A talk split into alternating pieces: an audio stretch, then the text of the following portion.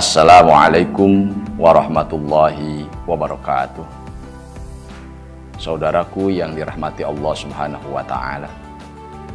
Tugas kita di dunia hanya satu, yaitu beribadah kepada Allah Subhanahu wa taala. Tidak ada alasan untuk meninggalkan ibadah kepada Allah Subhanahu wa taala.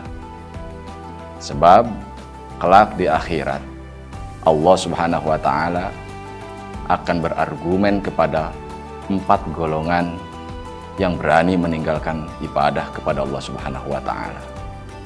Yang pertama kepada orang kaya. Allah Subhanahu wa taala bertanya, seolah-olah bertanya, "Lima taroktum ada ibadata?" Kenapa kalian meninggalkan ibadah? Lalu orang kaya tersebut menjawab, kami meninggalkan ibadah ya Allah karena kami sibuk mengurus harta dan kekuasaan sehingga tidak sempat kami untuk menjalankan ibadah. Lalu Allah menjawab, apakah kamu tidak mengenal Sulaiman? Tidak ada di dunia ini yang Allah anugerahkan kekayaannya melebihi Sulaiman. Tidak ada di dunia ini yang anugerahkan kerajaan yang melebihi besarnya kerajaan Nabi Sulaiman. Tapi meskipun hartanya banyak, kerajaannya luas, Nabi Sulaiman tidak pernah meninggalkan ibadah kepada Allah Subhanahu wa taala. Yang kedua, kepada pekerja. Allah Subhanahu wa taala bertanya, "Kenapa kalian meninggalkan ibadah kepada Allah Subhanahu wa taala?" Maka si pekerja tersebut menjawab bahwa kami terlalu sibuk untuk melayani Tuhan kami sehingga kami tidak sempat untuk menjalankan ibadah kepadamu ya Allah. Lalu Allah berargumen, apakah kamu tidak tahu Yusuf? Yusuf adalah seorang hamba belian, budak belian yang dibeli oleh Raja Mesir. Sekalipun dia sebagai hamba belian, tidak pernah dia meninggalkan ibadah kepada Allah Subhanahu wa taala. Sekalipun dia sebagai karyawan, sebagai staf, sebagai pekerja, sebagai buruh, tidak pernah Nabi Yusuf meninggalkan ibadah kepada Allah Subhanahu wa taala. Yang ketiga, kepada orang yang sakit. Kenapa kamu meninggalkan ibadah?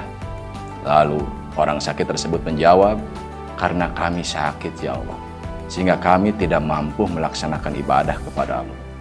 Maka Allah berargumen kepada orang yang sakit tersebut, apakah kamu tidak mengenal Ayub?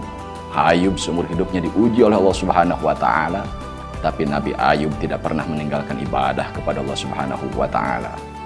Dalam hal ini kita mengenal ada rukhsah, ada azimah. Ketika kita tidak mampu sholat sambil berdiri, maka diperbolehkan sholat sambil duduk dan seterusnya.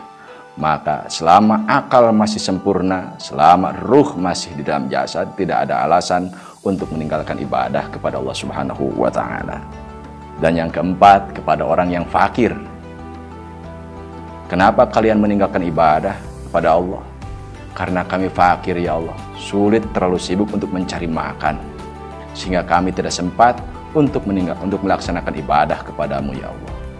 Lalu Allah berargumen kepada si fakir tersebut, apakah kamu tidak mengenal Isa?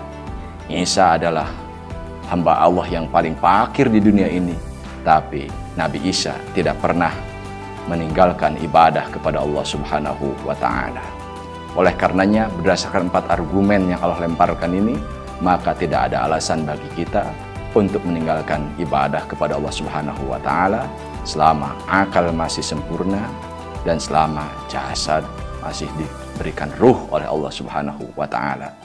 Semoga kita semuanya diberikan kekuatan oleh Allah Subhanahu wa taala agar kita memaksimalkan kualitas keimanan, keislaman dan ihsan kita kepada Allah Subhanahu wa taala.